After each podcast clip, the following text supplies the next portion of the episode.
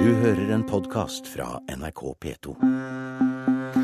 Og der vil jeg gjerne få lov til å ønske hjertelig velkommen til denne podkast-spesialutgaven av Einstein Tid og rom går igjen. En modifikasjon der Lehre von Raum und Zeit. på sporet av den tøyde tid. Og i dag et tillegg til episode to, der vi forsøkte å forklare den fotoelektriske effekt. Og jeg kan si med en gang at eh, hvis du er mest interessert i eh, biografi og i eh, livet til Einstein, så kan du trygt hoppe videre direkte til episode tre uten å høre dette appendikset. Men syns du det er litt gøy å prøve å forstå vitenskapen, så heng med.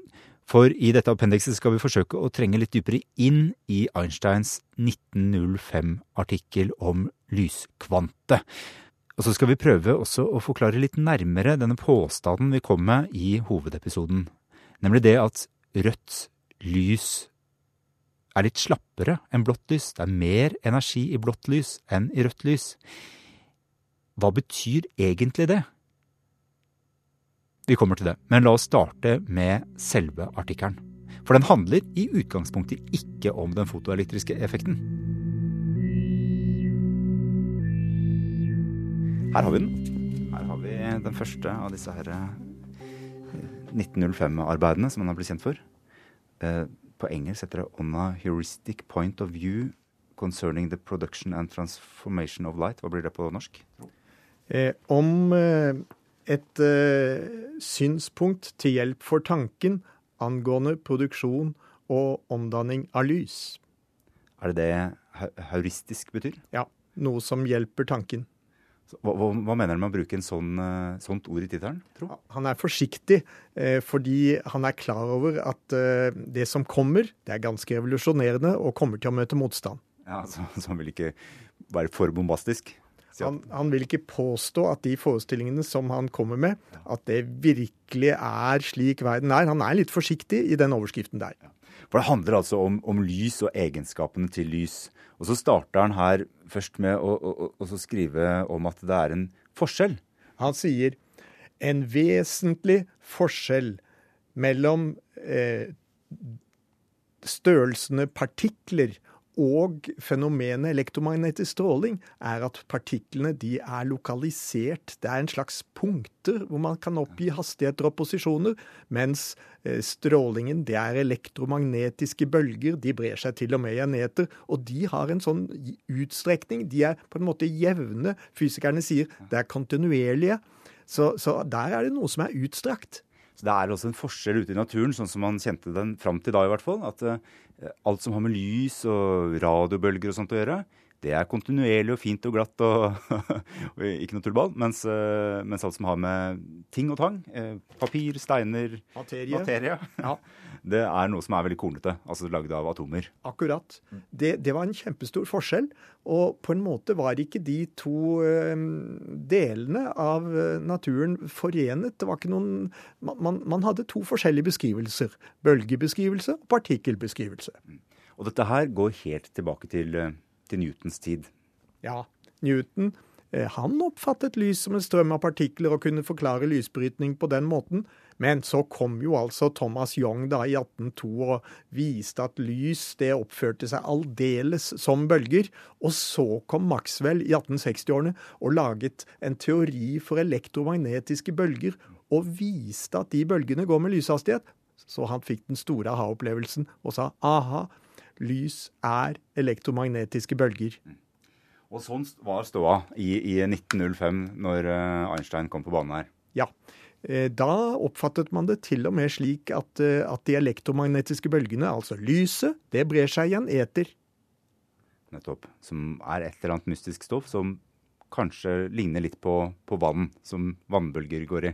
Ja, det, det kunne ligne litt. Det var i hvert fall Man trengte noe som disse elektromagnetiske bølgene kunne bre seg i. Og man kalte det for eteren, og visste ikke helt hva det var for noe. Ok, så nå har vi også fått etablert at, det, det, eh, at på dette tidspunktet så fantes det en teori om at lyset, det var bølger. Og materie, det var eh, små klinkekuler. atomer. Der var vi da Einstein kom på banen med sin teori. Ja. Og så, for dette hadde oppstått noen problemer her. Og um, så kan vi si at um, det, det er særlig en ting som heter fotoelektrisk effekt. Ja. Og det er dette merkelige at eh, ved å, å sende blått lys inn på visse metaller, så kan man få elektroner ut av metallene. Skal, vi har med litt remedier her. Skal prøve å se om vi klarer å demonstrere hvordan dette fungerer. Her har vi en metallplate. Her har jeg en eh, lommelykt. Og skrur jeg på lommelykta, så lyser på plata. Så sier det altså at av og til, hvis under gitte forutsetninger, så vil det da sprette ut elektroner her. Ja, Det er det som skjer i en solcelle. ja nettopp. Så, så man kan lage strøm av lys. Og så kommer vi altså til dette her pussige fenomenet, denne såkalte fotoelektriske effekten som fysikeren Lenard hadde observert. Og du kan forresten like så godt merke deg navnet Lenard først som sist, fordi vi kommer tilbake til han seinere i serien, når vi har kommet til nazismens inntog i Tyskland og forsøket på å segregere en jødisk fysikk fra en germansk fysikk. Men uansett, Lenard han hadde i hvert fall sett at hvis man lyser på denne metallplata med en liten blå lommelykt, så kommer det elektroner, det begynner å gå en strøm. Men lyser man med en bitte liten rød lommelykt, så skjer det ikke noe. Kanskje det er fordi det ikke er nok intensitet i rødt lys, eller noe sånt noe? Ja. ja, Kan du ikke øke intensiteten? av Bølgemodellen sa at hvis du bare gjør det intenst nok, så skal det nok komme ut elektroner med stor fart. Ja, så Hvis jeg setter den opp på 1000 watt, 10 000 watt med, med rødt lys Ja, litt av en lykt. Det er bra, og det er fortsatt rødt lys. Ja, fortsatt rødt lys. Okay. Hold øynene langt unna. Og så er det, her er bryteren. Her. her er bryteren. Ikke bli blind nå. Dette er for mye, vet du.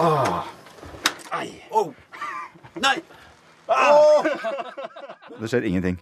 Det er jo helt mystisk. Ut fra bølgemodellen skulle det nå kommet energirike elektroner ut av, eh, ut av metallet når du har så intenst lys. Men det gjør det altså ikke. Men hvis jeg nå skifter da til eh, Og kan også stille om den her eh, til blått lys. Oi, oi, oi, nå se her. Nå raser de av gårde, de her elektronene. Det er ganske svakt lys, men blått. Ja, så da enda en overraskelse. Fargen betyr noe. Eh, jo mer blått eh, lyset er, desto fortere kommer elektronene ut av metallet, desto større energi får elektronene. Så det hjelper ikke med intenst rødt lys, da kommer det ikke noe ut. Men, men med blått lys, da kommer det elektroner ut. Og jo høyere frekvens du bruker, ja, frekvens, ja, jo blåere lyset er, desto mer energi får elektronene. Ok. Så fargen det har noe med frekvensen, altså hvor fort disse bølgene går opp og ned å gjøre. Rødt, da går det ganske sakte. Eh, og blått, da går det veldig fort. Og hva var det Einstein fant ut av? Da kom Einstein med en eh, revolusjonerende tanke. Han sa hm, det kan jo være at vi her ikke bør beskrive lyset som bølger. Eh, Det kan være at lyset består av partikler, senere ble de kalt fotoner, av partikler som er slik at jo høyere frekvens lyset har, desto større energi har lyspartiklene. En gang til. Hvis du øker frekvensen, hvis du gjør lyset mer blått, Ja. da vil hver enkelt lyspartikkel ha større energi. Men hvorfor er det sånn? Hey guys, Chris with Team Critical Bench. We are here again outside to do some battle ropes. Jeg veit ikke om du har lagt merke til disse her eh, reklamene som dukker opp hele tida for treningsstudioer. eh, For Sats og Elexia, hva som helst. I det siste så har de gjerne brukt bilder av folk som driver og trener med noen svære, tjukke tau. Eh, Antagelig så bruker de de bildene fordi det ser veldig tøft ut. Men Okay, so here we go. Appetite. Nice high ikke sant? man har et langt tau som er tjukt. Så skal man stå og veive opp og ned på det tauet her. Og lage en slags stående bølger på dette, dette tauet her. Og det jeg tenker da, når jeg ser disse reklamene, er at aha, dette her tauet, det er jo som et foton, ikke sant? Ett tau er ett foton, og jo flere bølger du klarer å presse inn i det tauet, jo mer energi får det. Og så er det sånn at ja, vi kan tenke oss regnbuen. eh, Rødt, oransje, hvordan er det? Rogbiff. Eh, Rødt, oransje, gult, grønn, blått, indigo, fiolett. Da får de stadig flere sånne bukter på seg. Så eh, rødt hus, det vil da være én bukt. Kjempelett. Oi, dette var slappe greier. Oi. Og så har vi oransje. Da må vi ha to bølger. En, to, en, to, en, to, en. Og så må vi ha gult. Da må vi tre. En, to, tre, en, to, tre, en, to, tre. Grønt fire. En, to, tre, en, to, tre, en, to, tre, en, to, tre. Blått. En, to, tre, en, to, tre, en, to, tre. Og så skal vi ha fiolett.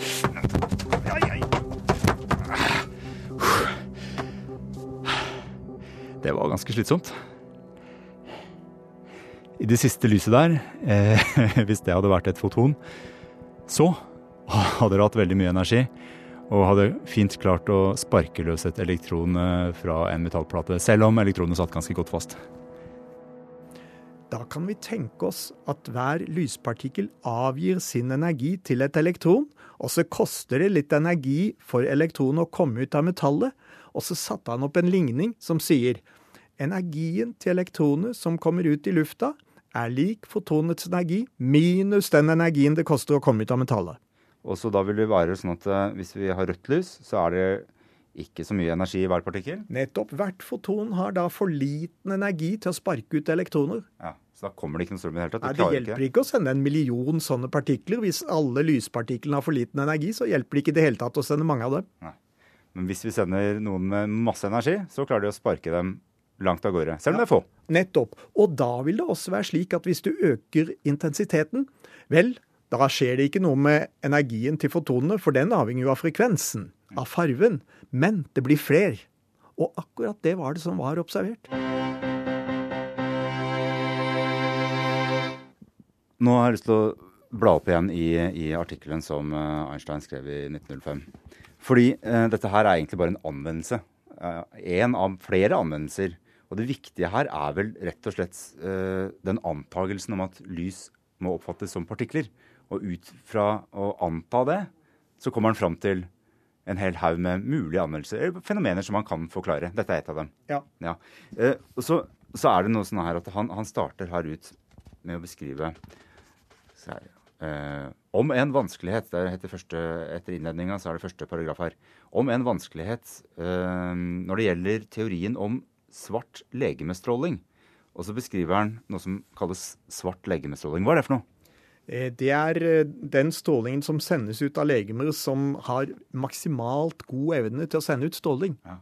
Det kalles svart legeme. For det, de, har så, de som er gode til å sende ut stråling, de er gode til å absorbere stråling òg. Og en modell av et legeme som absorberer alt, det er at du lager et hull i en kasse. Ja.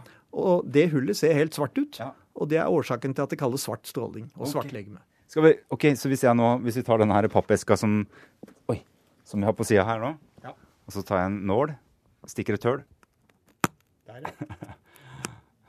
så Og så sier vi at den er helt svart på innsida. Ja.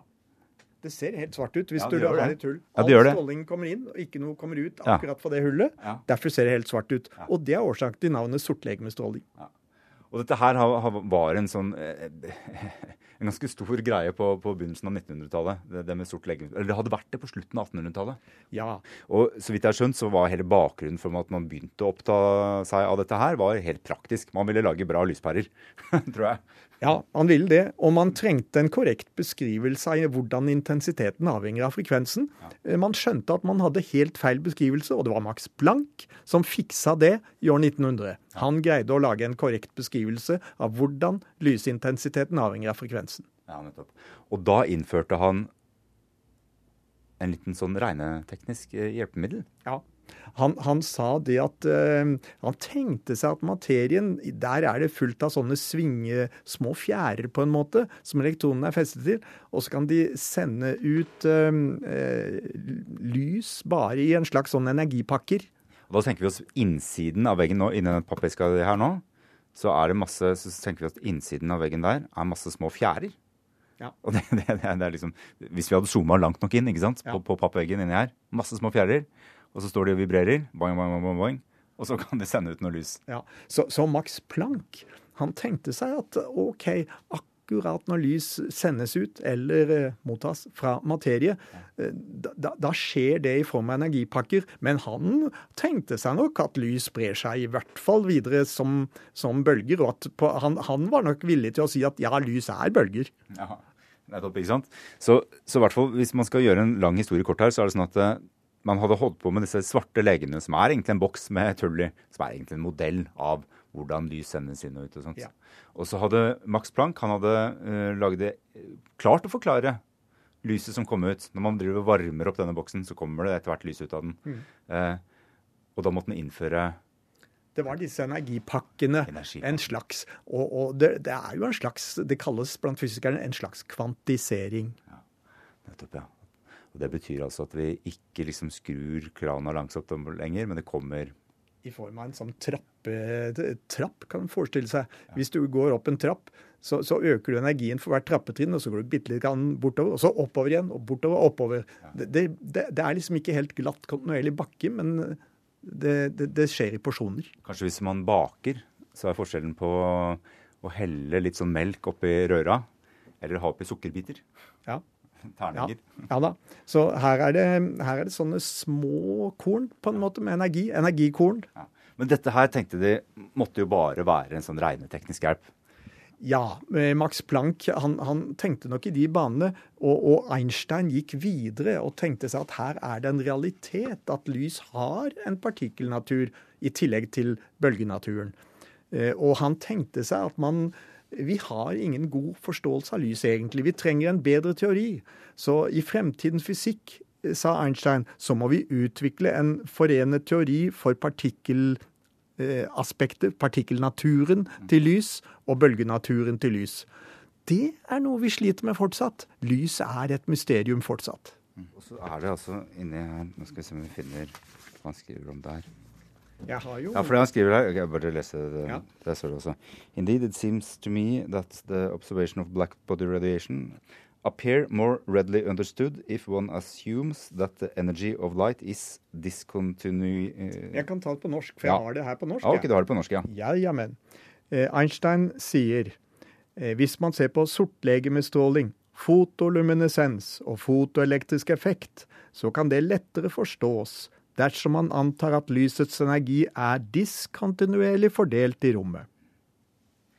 Og så sier han altså videre da at uh, ifølge denne antagelsen Så er energien ikke kontinuerlig fordelt i rommet når vi ser på lys, men består av et endelig antall energikvanter som er lokalisert i punkter i rommet, og som beveger seg uten å deles, og absorberes og emitteres hele.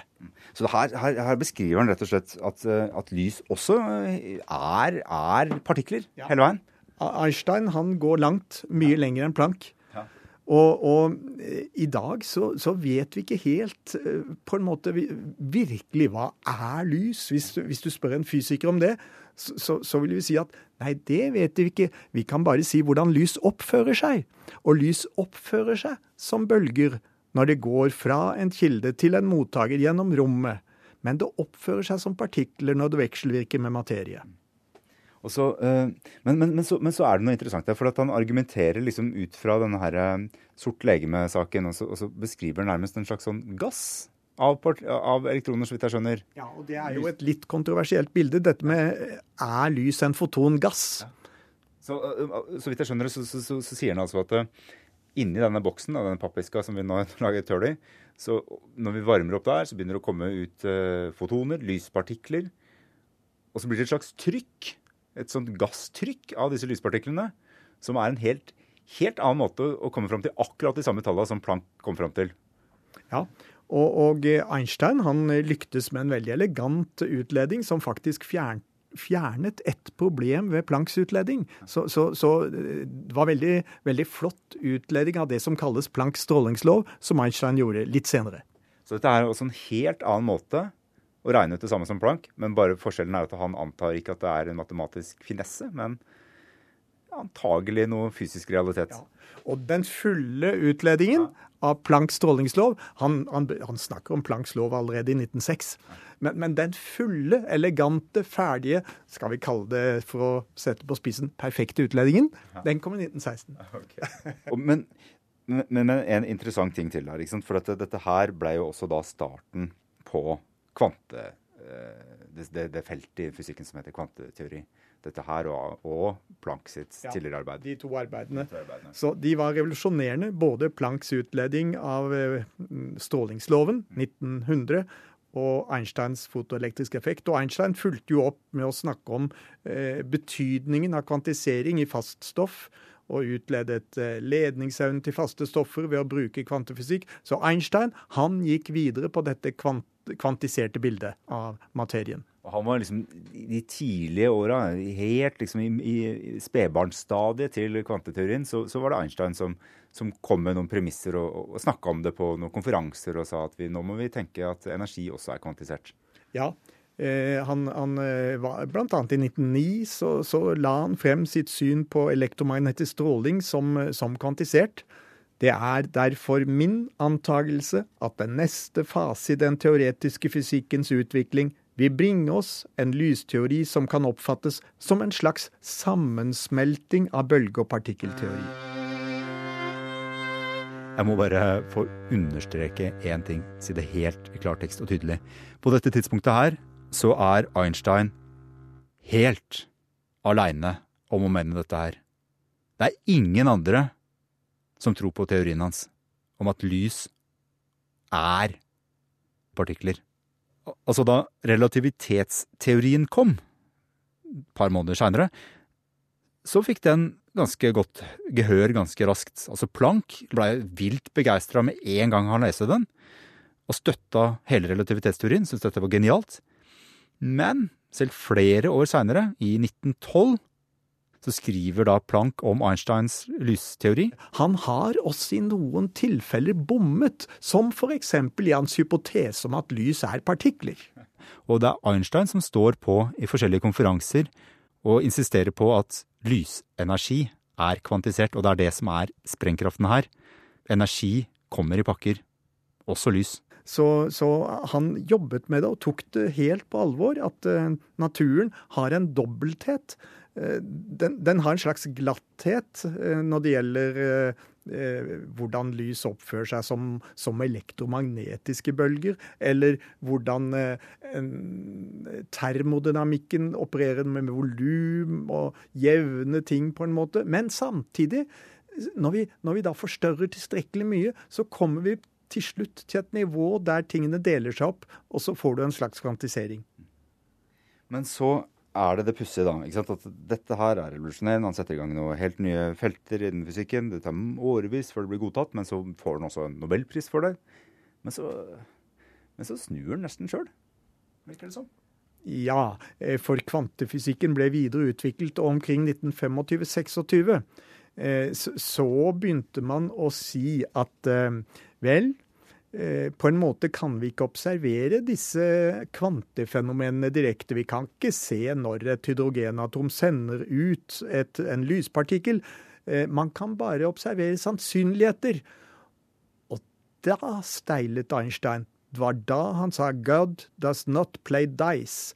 Det å bare kunne beskrive sannsynligheter eh, og ikke ha en skikkelig kausalitet på mikroskopisk nivå, det mislikte Einstein sterkt. Og uh, for å vende en siste gang tilbake til, eh, til eh, artikkelen om, uh, om lyset i 1905, så sa vi helt innledningsvis hva var det du, Hvordan var det du oversatte tittelen til norsk?